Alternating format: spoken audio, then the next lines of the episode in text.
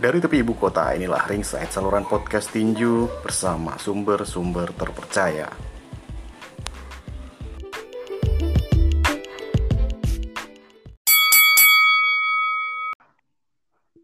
Baik, sel- selamat datang, selamat bergabung kembali di saluran podcast Ringside. Kali ini saya sudah bersama Bung Vinon Manulang, pengamat dan juga penulis tinju yang sudah lama mengikuti perjalanan tinju amatir maupun profesional di Indonesia.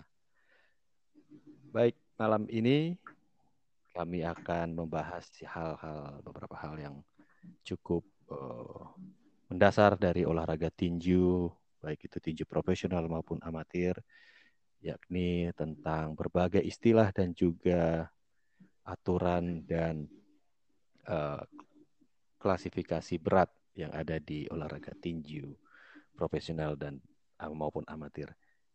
Gimana, Bung Vinon Manulang? Apa kabarnya ini? Baik, terima kasih Marco Tampu Bolon.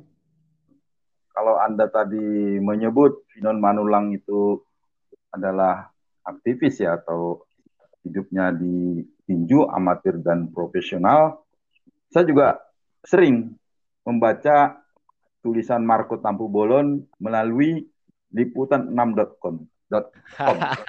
Itu sangat menarik dan faktanya kita memang adalah orang-orang tinju, orang-orang yang suka menulis tinju.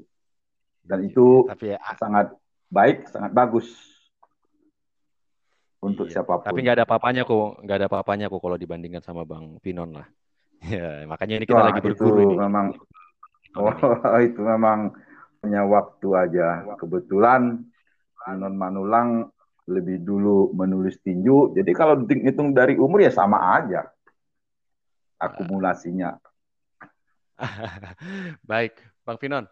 Kalau Ya. bicara soal tinju yang mendasar lah, ya kan sebenarnya kan eh, banyak istilah-istilah ya di dunia tinju ini, baik di pro maupun Iya, di mem- membingungkan. Nah, lanjut. Nah, kalau kita itu enaknya kira-kira kita bahas dari mana dulu nih biar eh, apa masyarakat awam mungkin yang mendengar podcast kita ini akhirnya bisa memahami dan, akhirnya mungkin bisa eh, apa jadi fansnya tinju mungkin karena mereka sudah mengenal eh, apa eh, olahraga ini secara lebih mendalam gitu. Baik, eh, kalau kita eh, kita mulai dari awal yang paling istilah-istilah yang ada terlintas aja lah sebenarnya. Iya, yang Jadi kita- terlintas ini kan eh, adalah Terlintas badan aja. tinju. Badan Ya kan tinju badan tinju ada istilahnya WBA, WBC, IBF, WBO, belum lagi nanti eh, silver, belum lagi nanti silver Asia, belum lagi nanti eh, benua Afrika, benua Hmm, hmm. dan Australia dan sebagainya. Itu sangat banyak sekali dan membingungkan. Jangankan orang yang eh, baru mengetahui, baru mengikuti tentang tinju. Kita yang sudah hidupnya di dunia tinju profesional itu dibuat bingung. Belum lagi belakangan lahir eh, WBA Gold, WBA Super. emas. Ya, ya, ya, ya. Ada lagi Jadi sekarang mau ring kita- mau- apa eh, mau kita mulai dari mana? Ya kan? Belum lagi Nah. nanti WBC eh, Sulaiman itu akan membuat kelas baru. Sekarang Ya, ya, sudah ya, ada ya. 17 kelas. Ada lagi nanti kelas baru. Jadi 18 kelas di dunia tinju profesional. Bingung nggak? Itu. Oh ya, iya, ya. Jadi teringat kemarin ada berita soal Eddie Hearn, eh, promotor. Ya, Dia itu cukup risau juga dengan banyaknya kelas dan juga banyaknya badan tinju yang ada di apa tinju profesional. Jadi dia lebih berpikir eh, untuk menyederhanakan itu seperti eh, ajang UFC. UFC kan Ultimate Fight Iya. Championship itu mereka itu lebih ringkas gitu loh. Jadi eh, kelasnya juga cuma ada beberapa kelas, terus yang diperebutkan juga sabuknya nggak banyak kan, cuma UFC aja. Jadi ya ini memang di memang ya dia juga ingin yang uh, bisa di, di, di- diterima oleh masyarakat ya oleh penggemar tinju oleh uh, langganan dia lah katakanlah langganan dia penonton dia. Bahwa ya ya. dulu memang awalnya kan dari kelas uh, dari kelas apa dulu ya? Bukan kelas berat.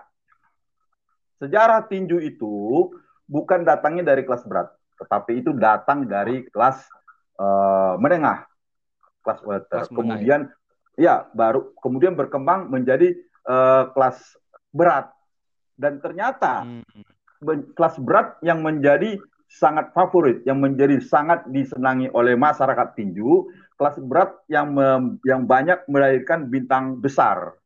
Mike Tyson, oh, era Muhammad Ali, juara ya? dunia kelas era berat Muhammad termuda. Ali. Muhammad Ali, mungkin Muhammad Ali satu-satunya juara atau satu-satunya petinju kelas berat paling terkenal di seluruh dunia. Siapa yang tidak ya. mengenal Muhammad Ali, menghormati Muhammad Ali yang begitu luar biasa. Itu kelas berat. Ya. Jadi kalau dulu memang kelas welter. Tapi kelas welter berat yang ya. menjadi idola. Okay. Nah, dari kelas berat, nah.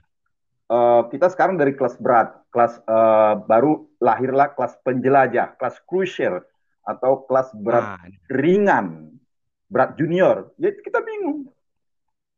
Iya, iya. Jadi kalau Eddie Harris sekarang dari kelas berat yang ada dari kelas berat turun ke kelas cruiser. Cruiser itu kalau di dalam nah. badan tinju lain disebut kelas berat junior. Ringan. Oh junior. Bukan junior, kelas berat junior. Yeah. Kelas ber, uh. kelas pertama sekarangnya kelas berat. Ya. Yeah. Unlimit ya kelas berat. Turunlah dia ke kelas penjelajah atau cruiser hmm. ya, kelas cruiser. Di kelas cruiser ini ada kelas berat ringan. Hmm. Eh berat oh, junior, berat, maaf, berat, berat junior, berat berat ah. junior. Berat junior. Setelah yeah. berat junior, turun dia ke kelas berat ringan. Kemudian turun okay. ke kelas menengah super. Turun ke kelas menengah kelas menengah junior, kelas welter, hmm.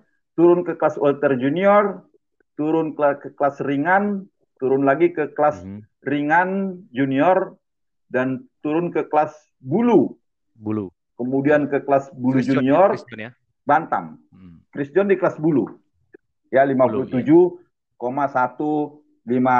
ya. kg. Itu kelas bulu. Hmm. Uh, Chris John. Kemudian turun ke kelas bulu junior kemudian turun yeah. ke kelas bantam, kemudian turun ke kelas bantam junior Ilyas Fikal. Kalau bantam seseorang junior. suka tinju dan dia mendengar kelas bantam junior, ingatlah Ilyas Fikal. Kelas hmm, bantam junior okay, okay. adalah Ilyas Fikal. Sebagai pahlawan tinju Indonesia, kita harus menghargainya sekedar mengingat aja itu udah, udah sudah menghargai.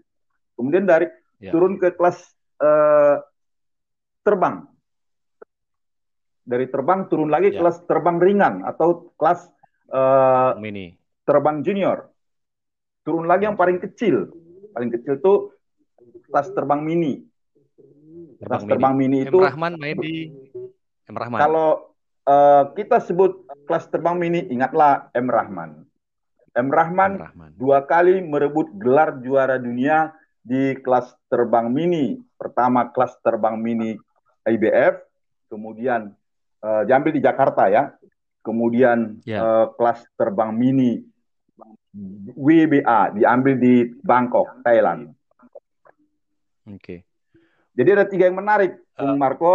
Satu di yeah. kelas bulu tadi bulu, adalah Chris yeah, John, Chris ya. John dan Daucino ya, tentunya ya, Daucino Jordan. Daucino ya, saya lupa hmm. juga uh, Daucino. Hmm. Sekarang Daucino naik ke kelas welter junior. Oh, Oh dia naik di kelas Welter Junior ya? Ya, dia naik oh. ke kelas Welter Junior. Karena berat badannya ya di usianya yang juga sudah 33 tahun naik ke kelas hmm. itu ya mungkin tinggal menunggu luck ya uh, faktor keberuntungan kapan dia bisa meledak seperti juara dunia lainnya. Kemudian turun ke kelas bantam junior, Phyllis Fikal. Tadi Bung Marco sebut mengenai kelas terbang ringan, saya harus teringat dan respect kepada M. Rahman, juara dunia kita, dua kali merebut gelar juara dunia kelas terbang mini, IBF, dan WBA. Itu mengenai ah, kelas-kelas. Iya. Dan perlu kalau Ya, okay. perlu disampaikan di sini bahwa WBC akan melahirkan kelas baru. Uh, itu WBC, kelasnya ya, ya WBC akan melahirkan hmm. kelas baru, kelas jembatan ya, uh, break break bridger bridger weight ya, bridger weight antara kelas berat dan kelas cruiser. Oh. Jadi antara kelas berat dan cruiser dia masuk nanti itu di tengah-tengah. Apa manfaatnya? Bang, kenapa? Ya. Ya, apa manfaatnya? Ya. Mungkin uh, manfaatnya akan melahirkan banyak juara dunia, tetapi kalau saya badan tinju bermanfaat bagi saya uang. Mengapa uang? Oh, kalau dia bertanding okay. di di memperebutkan di gelar yang kelas itu, saya dapat uang. Bayar promotor harus bayar license ya, ya. License-nya, hmm. uh, session fee-nya, uh, contest fee-nya, itu dipotong semua dalam dunia tinju pro. Kira-kira itu hmm, dari okay. segi bis, bisnisnya. Badan tinju melahirkan begitu banyak kelas, bukan cuma-cuma bukan hanya sekedar untuk meramaikan banyak juara. Oh tidak, uang. Ada dari sisi bisnis ya? Ya, itu jelas dari segi bisnisnya tidak ada mau rugi, itu adalah uang. Bagaimana saya me, me, me, promotor menggelar sebuah kejuaraan, dia harus bayar. Bayar lisensi ya. promotor, bayar potongan buat petinju, wasit hakim itu kan kena semua itu tidak ada yang gratis yeah. dan itu sabuk belum lagi nanti sabuk ya dan sabuk itu kalau mereka uh, menggelar kejuaraan dunia itu harus ambil dari badan dunia yang tidak boleh dari Indonesia. Padahal di Indonesia itu di Joni sabuk itu sabuknya itu paling mahal cuma eh, dua juta lima ratus. Tetapi oh jadi kalau, kalau ya kalau kita bikin kejuaraan dunia, sabuknya adalah misalkan sabuk badan dunia ini, ya itu kita pesan aja ke Joni Sabuk pada mana dari sana, ya. Ya 5 juta, 5 juta oh. lah taruh. Katakanlah 5 juta itu sudah berkilat-kilat yeah, yeah. diamondnya. Tapi kita dipaksa harus mengambil sabuk itu dari badan dunia yang bersangkutan. Kalau kejuaraan dunia itu, ya? Ya, dan itu harganya bisa sampai uh, berapa itu ya? Sepuluh ribu kalau nggak salah itu. Eh nggak sampai seribu atau dua ribu lima ratus mungkin itu. Dua ribu lima ratus dolar. Oh mahal juga. Dua ribu lima ratus itu berapa itu? Iya kali lima belas ribu ya hampir. Ya, sudah sudah sudah mencapai hampir lima puluh juta ya. Kira-kira begitu. Puluhan ya, lima puluh. Ah, lima puluh, lima puluh, mahal kan? Saya ulangi lagi, padahal itu iya, di iya. Pademangan yang namanya Joni Sabuk, dia bisa membuat sabuk yang uh, bentuknya sama, ya bagus, kualitasnya sama, ya mungkin kualitasnya beda dikit nggak apa-apa, tapi sama, yang harganya 5 juta juga udah bagus. Tetapi memang itu hmm, okay. seluruh badan tinju itu mengharuskan beli dari mereka dan tidak boleh difotokopi. Okay. Itu kira-kira. Makanya kalau anda, saya, Vino atau siapa pun yang berminat bergabung ke dunia tinju profesional, kalau boleh masuk ke organisasi itu. Supaya apa? Supaya oh. kita dapat honor. Ya, ya, ya, ya. Dapat honor dari ya. Yang kutipan-kutipan tadi itu. Tetapi kalau Indonesia, Indonesia karena begitu banyak badan tinju, ada KTI, hmm. ada KTPI, ada segala macam ATI, ATI, uh, ATI ya, karena begitu banyak badan yeah. tinju dan uh, pertandingan sudah semakin uh, menurun, akhirnya uh, badan tinju berlomba-lomba, berlomba-lomba untuk mencari uh, mencari apa ya, mencari pengakuan. Kontes hmm. dihapus. Oh. Kontes okay, dihapus. Okay, okay. Saya bertanding. Yang penting ada pertandingan, iya. Yang penting ada pertandingan. Saya bertanding, saya dibayar 20 juta misalkan. Itu ada badan tinju yang berani menghapus kontes fee. Tetapi hmm. ya tidak semua. Tetapi ada juga badan tinju yang me me tetap menjalankan uh, aturan, rule and regulationnya itu harus wajib dipotong. Itu baru dari kontes fee. Belum lagi nanti dari promotor uji untuk mengurus izin lisensi, lisensinya itu juga mahal tidak gratis ya, ya. untuk mendapatkan ya, Bang, lisensi Bang pertandingan. Saya potong. Ya. Saya potong. Saya potong bentar. Ya. Nah, kalau kita kembali ke ke kelas yang ada di apa badan tinju ya, kelas yang ada di tinju, mulai dari kelas berat sampai ke kelas terbang mini.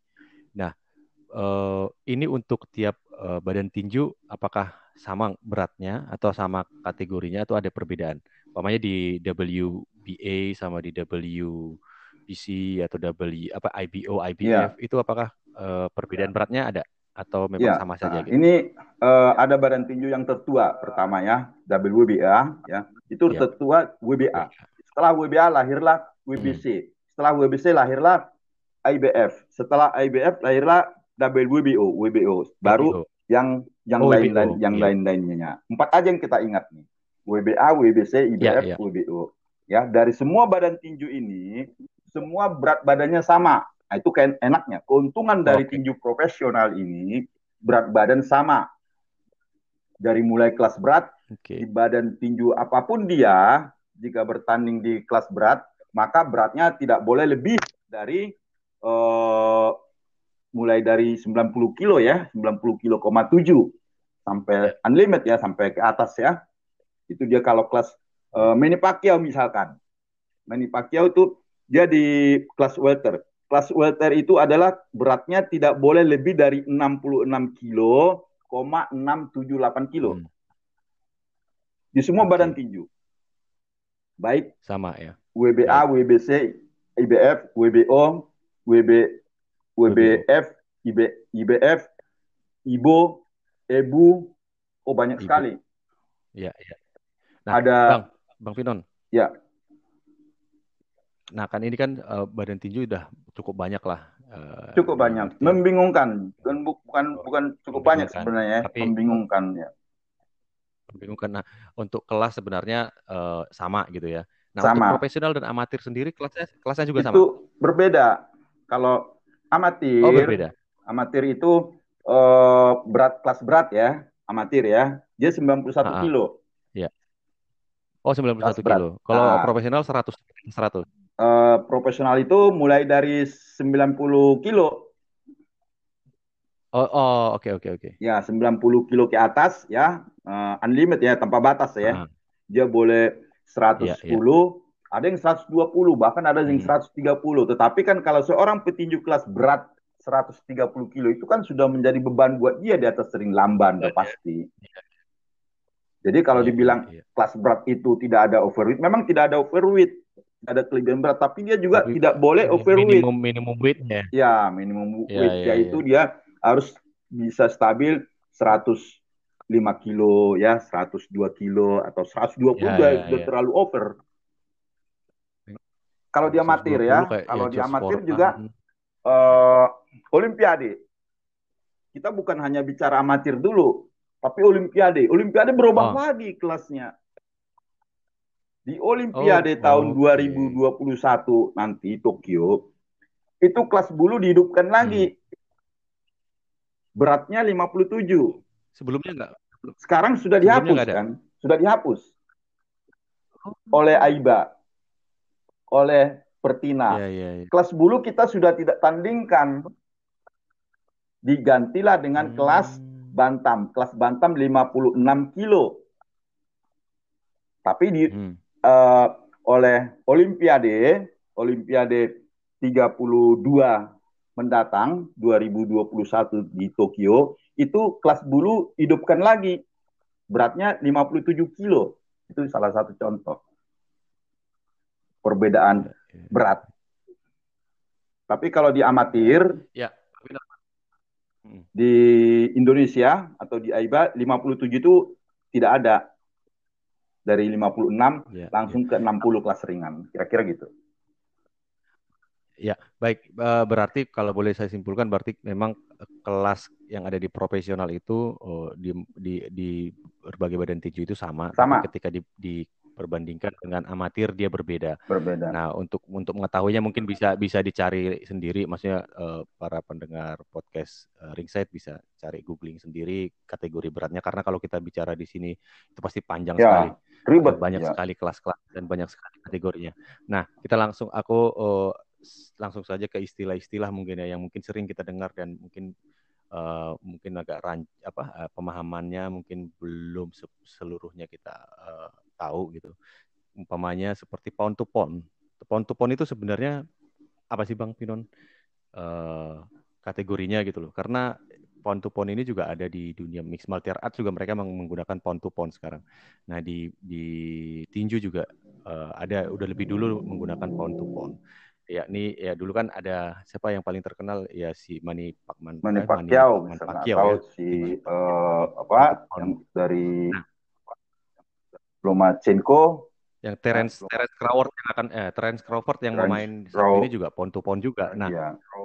Itu kan diartikan pound to nah pound itu kan kalau si dia menjadi yang terbaik dari mulai dari kelas kita itu dari kelas berat sampai kelas terbang mini.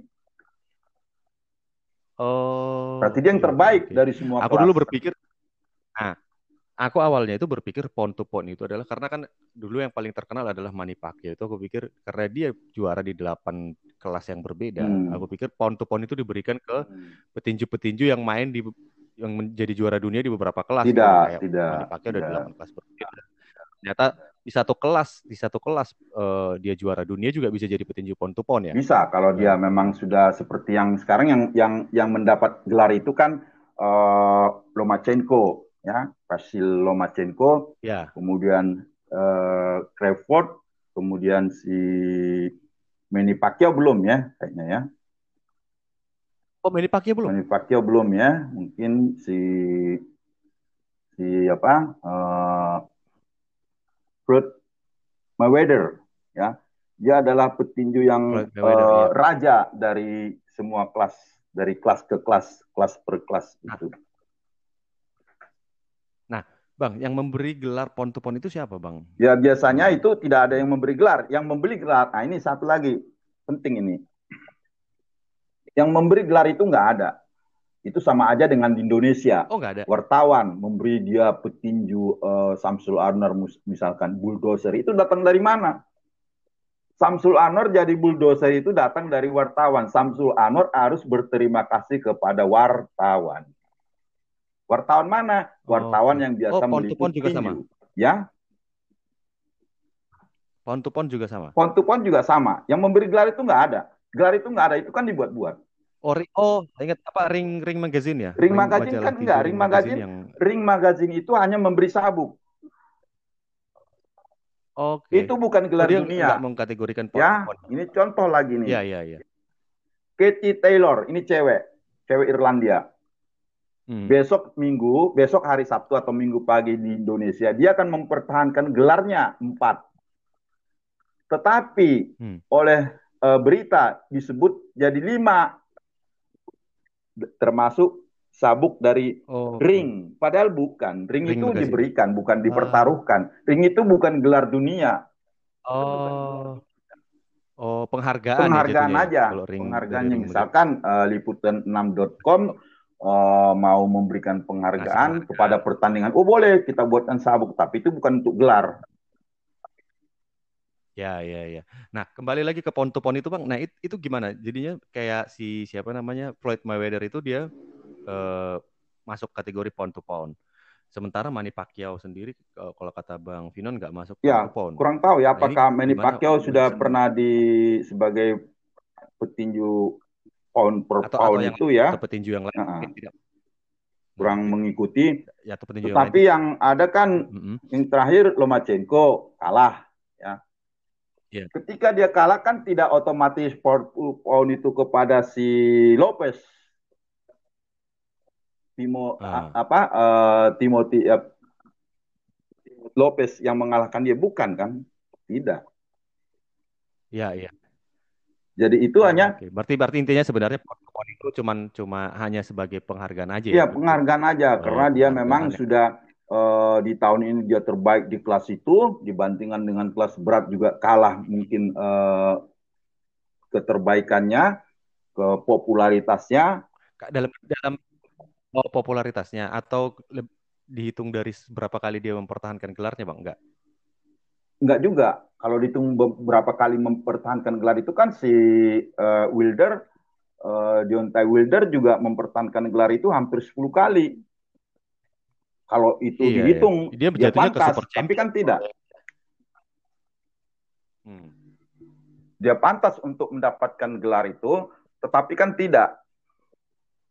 Malah jatuh ke kelas Iya. welter ya.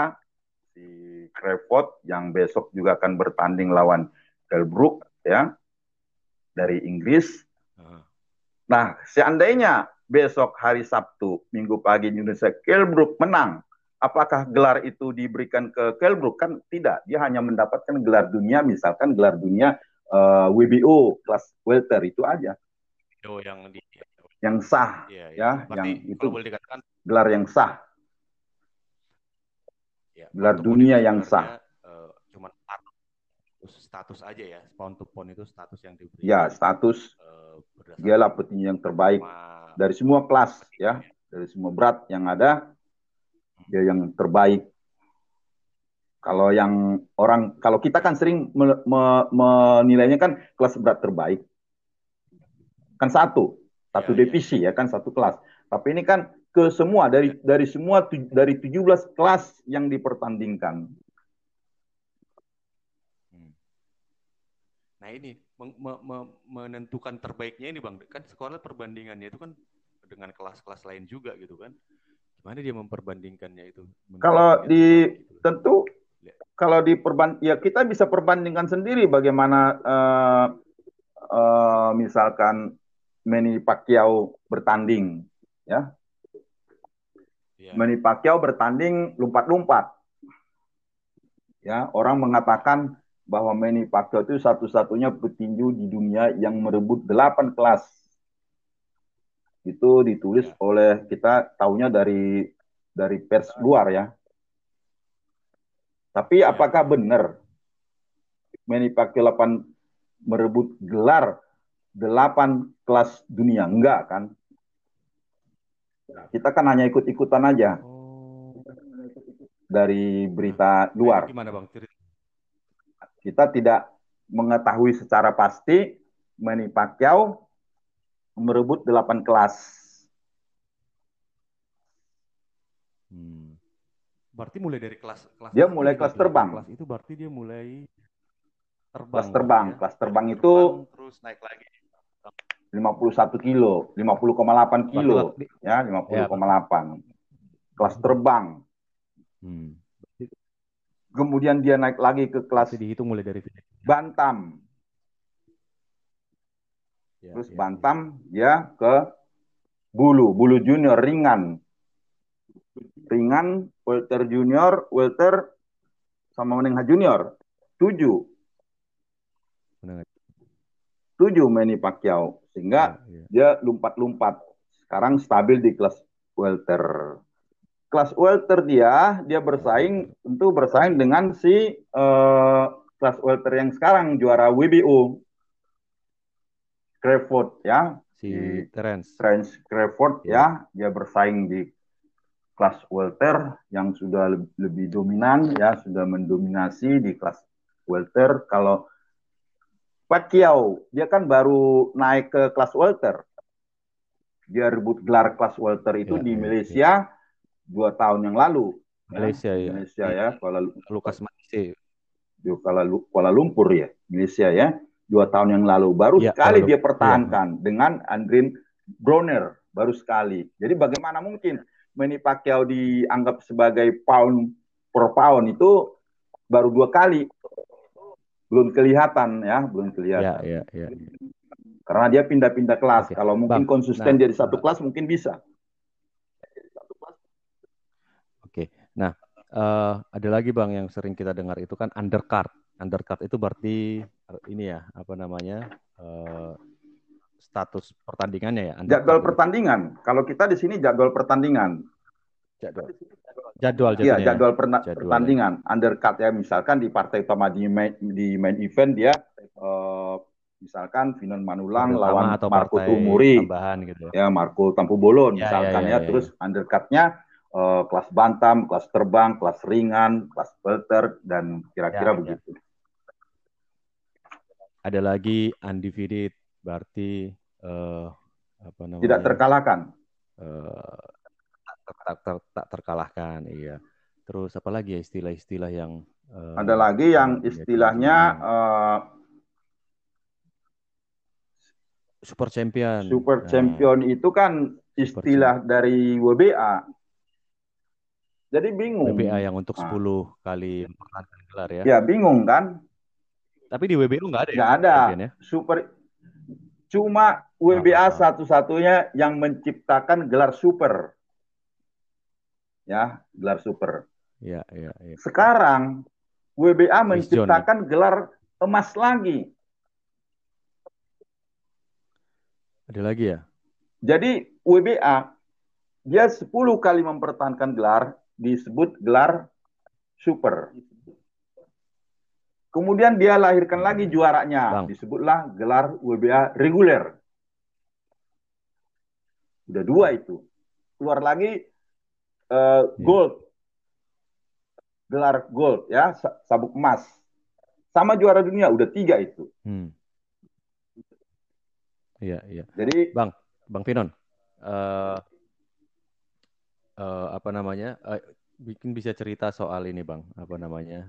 eh, mempertahankan gelar. Ada yang disebut partai mandatori, ada yang disebut partai eh, apa di luar mandatori. eh, ya kalau ya? saya ikuti sama apa ya? ini eh, apakah saya ketinggalan ya apakah eh, tidak mengerti atau memang aturannya dianggap menjadi mudah dahulu kala ya dahulu kala itu ada istilahnya eh, choice Choice, iya. nah, Eh, choice itu choice ya dan mandatori ya. dia jadinya. choice Iya. dia eh, dia choice bisa memilih Berhak milih lawan, bro. lawan ya bisa Ya, memilih ya. lawan dan sekarang mandatori ya mandatori kalau dia mandatori berarti harus melawan peringkat yang Wajib. wajib tetapi sekarang mandatori Nah, dia badan tinju mengeluarkan pertandingan eliminator.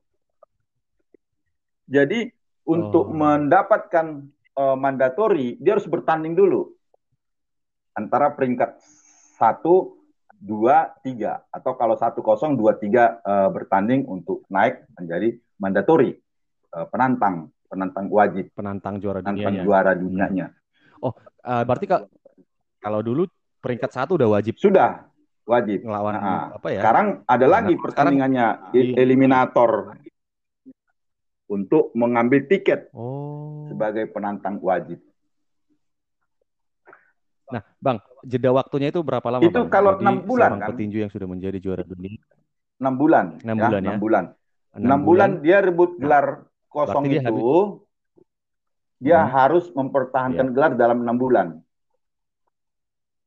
tetapi Itu yang pertama apa? Choice Ya. dulu apa mandatori? dia harus eh, dilihat dulu dia ngambil juara dari eh, juara yang mandatori atau juara choice kalau Aha, dia ambil juara oke. dari eh, choice dia harus eh, atau lowong lowong lah katakanlah Hmm. lowong ya lowong dia rebut gelar lowong dia harus enam bulan mempertahankan gelar enam bulan dia rebut gelar Untuk yang lowong pertama berarti dia dia harus Ya. mempertahankan gelar nah ini contoh lagi ya di badan tinju WBA Manuel Kerr ya ini petinju dari Suriah dari Jordania Hmm. yang pergi ke Jerman menjadi tinggal di sana tetapi bukan warga negara Jerman. Dia merebut gelar kelas berat WBA sudah hampir tiga tahun. Reguler, gelar lowong. Tidak pernah mempertahankan gelar, tidak pernah naik ring, masih tetap sampai juara sampai sekarang. Belum copot. sampai sekarang. Nah, jadi kita bingung juga. Yang Tapi dipertahankan itu apa? umumnya ya ya enam bulan. enam bulan dia harus pertahankan gelar. enam bulan ya.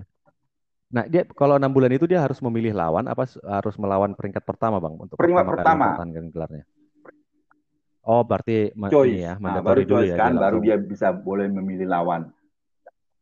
Boleh memilih lawan Oh, dari oke, 1 oke, sampai oke. 15. Dulu kan 1 sampai 10. Iya, iya. Sekarang Nah, 1 kalau besok sampai berarti si 15. Terence kalau si Terence Crawford lawan si Kell Brooks ini kan berarti kan Kell Brooks-nya kan bu- eh, bukan peringkat pertama ya. Sebenarnya kalau Kelbrook ya bukan peringkat pertama. Berarti choice ya. Ini berarti pertandingan mandatori apa pertandingan choice Bang sih untuk si Crawford. Karena kan sebelumnya dia eh, udah lawan setelah lawan Amir Khan dia lawan satu lagi baru ketemu si Kell Brooks. Ya tinggal tra- tinggal diatur oleh eh, Bob Arum ya, tinggal Bob Arum yang mengatur bagaimana mungkin si Kelbrook total jadi penantang WBO ya senak begitu aja Hmm, Oke. dia bisa masuk ke sana ya kan? Itu ar- pengaruh dari Bob iya. Arum. Jadi banyak petinju yang seharusnya berhak bertanding di kejuaraan tetapi tidak punya manajemen ya tidak punya promotor. Sehingga dengan mudah bisa dipatahkan bisa dilangkahi oleh promotor yang punya kekuasaan besar yang punya pengaruh seperti Bob Arum bisa tinggal dia pilih bagaimana dia mengamankan gelarnya eh, Crawford harus dia pilih orang yang bisa dia kalahkan yaitu Kell Brook. Glenn Brooks. Ba- baik bang. Nah eh, kita mungkin eh, ke sedikit beralih ke eh, pertandingannya ya. Eh, untuk pertandingan sendiri kan berarti untuk profesional dia eh, 12 ronde. Kalau untuk amatir dia tiga ronde. Tiga ronde benar ya bang ya? Ya, Kalau untuk amatir ya. ronde. Tapi Nah amat untuk penilaian untuk ya untuk, untuk penilaian, penilaian, ya penilaian Eh, itu ada beberapa nah kriteria. penilaian Hmm, ini menarik juga, bang. Iya. Ada beberapa kriteria ya. Tahun 2001 saya ikut eh, lulus lah ya, lulus wasit hakim. Ya, tetapi tidak saya manfaatkan, saya tidak pernah jadi wasit hakim, tetapi saya ikut wasit hakim itu. Beberapa kriteria antara lain itu adalah pukulan yang telat. Ya. Dan Mungkin sebelumnya poinnya berapa ke berapa bang? Ada 10 berapa, eh, nah ini sekarang poin lain lagi. Ini ber- makanya kita badan tinju juga bingung. poin ya. dari Ada dari poin dulu aja, 10-10. Bang. Dari poin. Ya, ya ada 10-10. Tetapi Badan Tinju Dunia itu tidak memberlakukan 10-10. Yang dimaksud 10 aha. 10 match point harus 10. Jadi harus ada yang menang. Jadi 10 9, 10 8, 10 7. Tetapi kalau yang saya ikutin di badan tinju kita ini ada 10 10. Loh, kenapa 10 10? Oh ya, karena eh, ronde pertama itu biasanya penjajakan. Ini jadi diterjemahkan Oh. sendiri oleh hakim kita. 10 10. Terus ronde Baik, kita terakhir. pakai yang internet, yang internasional aja bang. Ya, ronde terakhir 10-10. Karena ronde terakhir itu sudah habis napasnya.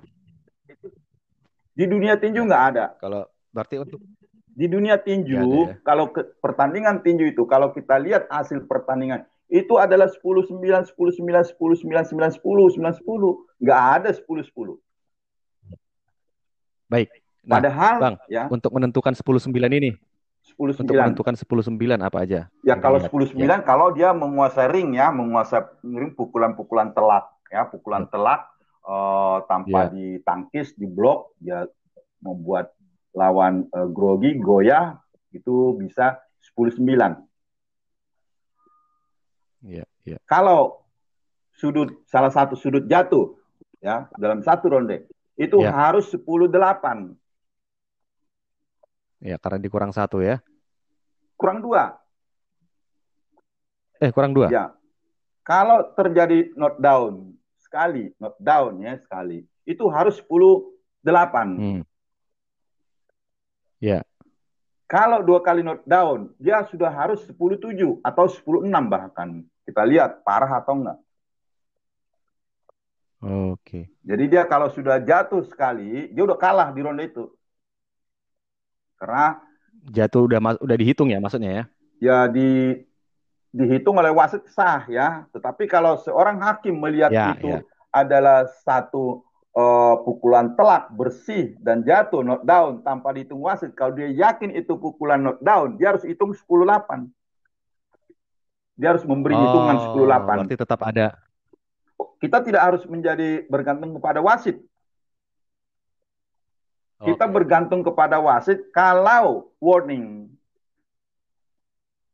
Jika seorang wasit memerintahkan kepada hakim memotong nilai seorang petinju, itu harus dilakukan oleh hakim.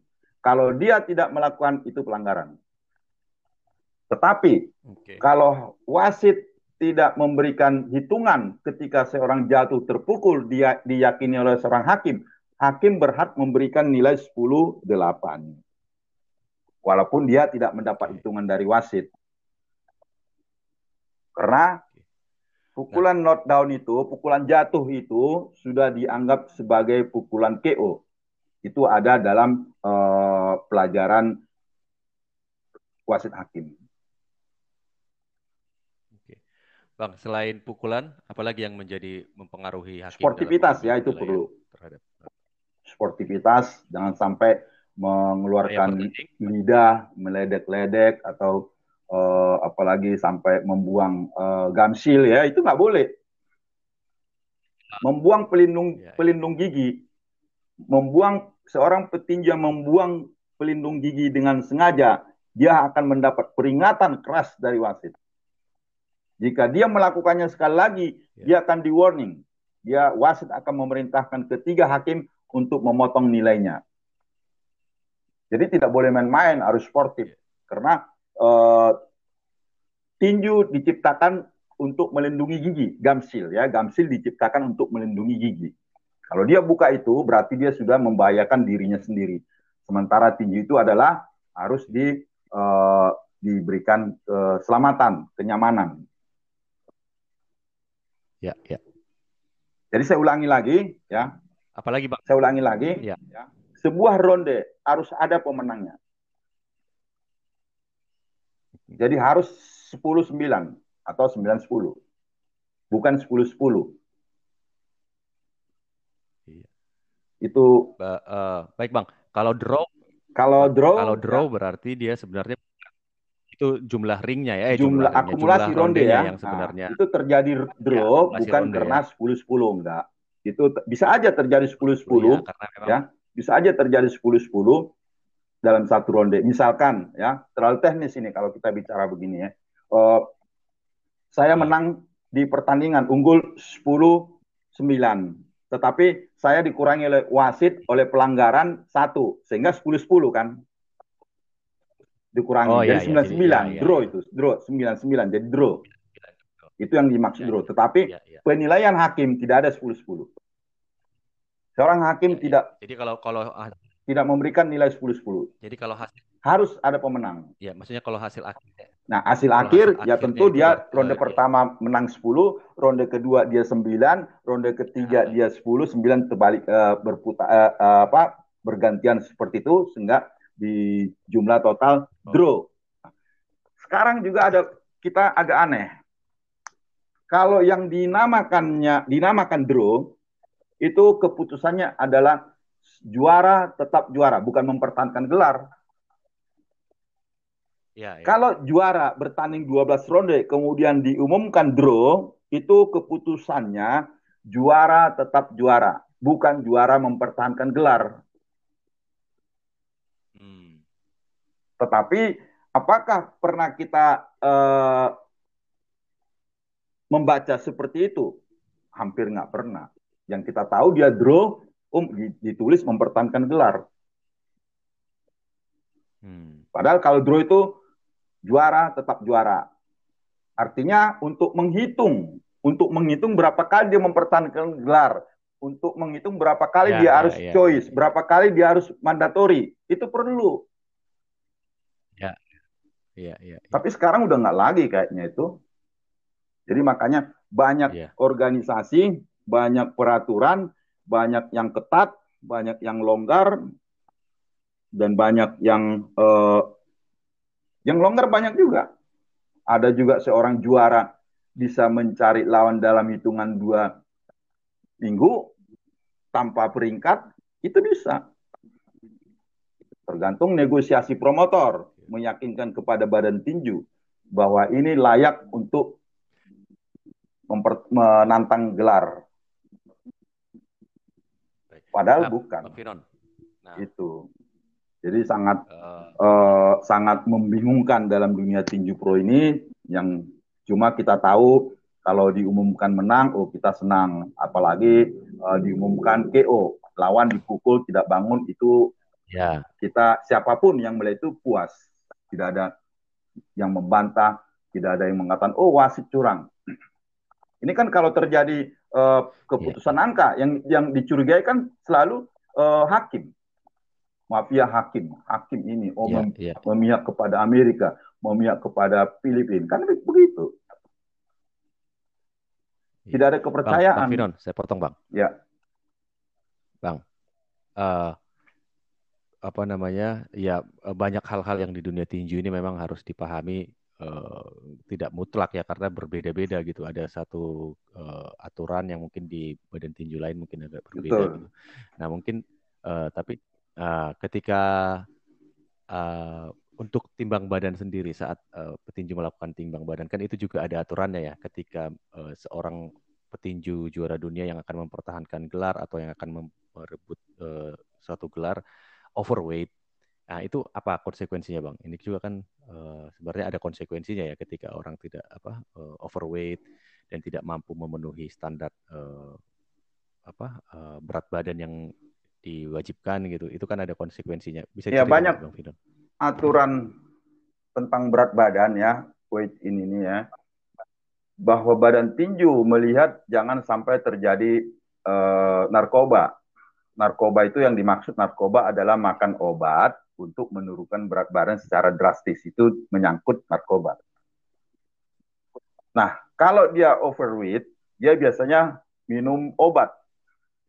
Di Indonesia, ya, di Indonesia uh, banyak yang kita tahu itu mereka minum sesuatu obat yang bisa dibeli di apotik dengan harga murah diminum besok dia uh, keluar beratnya dan itu membahayakan kepada uh, bisa jadi impotensi di kemudian hari.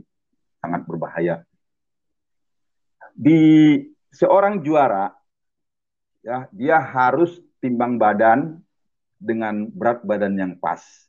Jika kelebihan berat dia dikasih waktu sampai dua jam. Jika dalam dua jam dia tidak bisa in, berarti dia overweight. Jika dia menang, dia tidak akan mendapatkan gelarnya. Jadi dalam dunia tinju pro, gelar hilang di atas timbangan.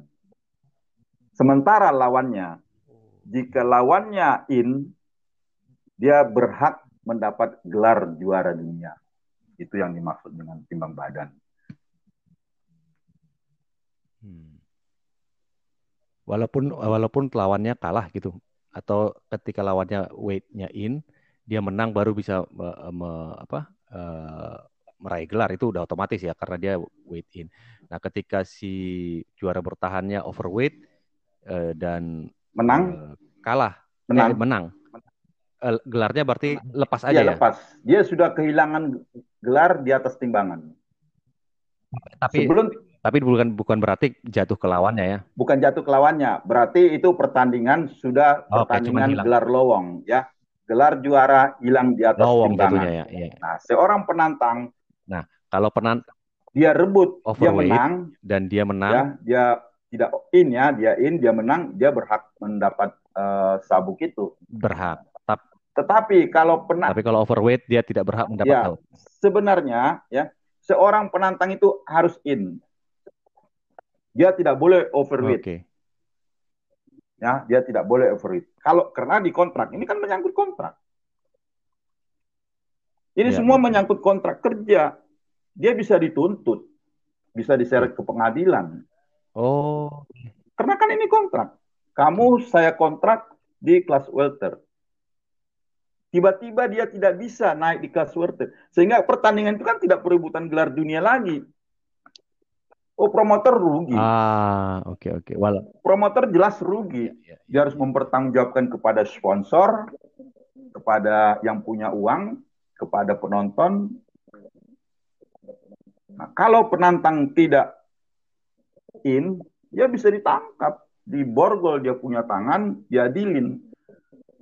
Tetapi kalau juara overweight, konsekuensinya dia kehilangan gelar di atas timbangan. Jadi masing-masing ada itunya ya. Ya, ya dia hukum yang harus ya. Dia kehilangan gelar tapi pertan ya. kehilangan gelar tapi pertandingan tetap masih kejuaraan Ke- dunia karena kalau si penantangnya menang dia akan tetap mendapatkan apa gelar sabuk juara Ya, dunia juga. Dia tetap Kalau eh, dianggap itu. sebagai kejuaraan dunia. Kalau sang juara overweight, Ya, konsekuensinya ya. hukumnya dia kehilangan Masuk akal, gelar di atas timbangan.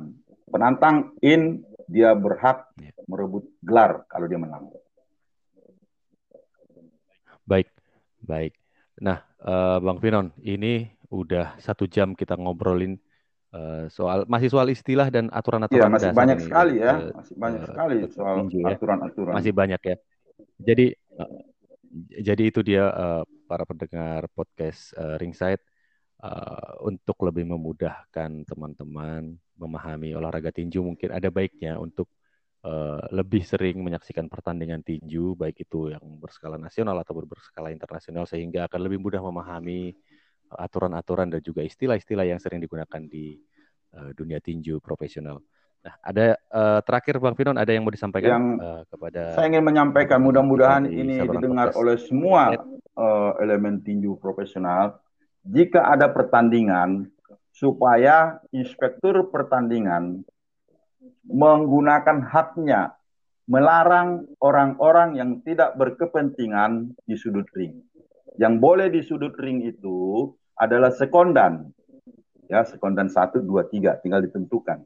Jangan sampai eh, sekondannya sampai lima orang, 10 orang. Itu udah nggak benar. Itu akan mempengaruhi eh, penilaian terhadap hakim, terhadap teror juga. Itu sangat penting ya. Supaya inspektur pertandingan menegur, memberlakukan eh, batasan kepada pembantu sudut, sekondan. Sekondan utama tentu di dalam ring. Sekondan kedua, sekondan ketiga. Cukup tiga orang. Jangan sampai lima, sepuluh orang. Itu tidak baik. Dan itu sangat mengganggu keamanan. Baik keamanan hakimnya, keamanan pertandingan, juga keamanan penonton. Kira-kira itu terakhir yang dari saya. Mudah-mudahan tinju profesional yang sudah mati tenggelam oleh bencana COVID-19 ini bisa eh, segera pulih di bulan-bulan mendatang. Mudah-mudahan di tahun 2021 tinju amatir, tinju profesional sudah bisa dipertandingkan secara normal. Kira-kira begitu Bung Marco Tampu Bolon dari saya. Baik, baik. Terima kasih Bang Finon Manulang atas waktunya. Ya, demikian s- acara atau perbincangan kita pada edisi kali ini. Eh, jangan ke mana-mana dan tetap ikuti terus eh, saluran podcast Ringside bersama saya Marco Tampubolon dan tentunya akan menghadirkan narasumber-narasumber lain yang terpercaya dan cukup berpengalaman di dunia tinju profesional maupun amatir di tanah air Indonesia. Sampai ketemu, sampai jumpa. Bye bye.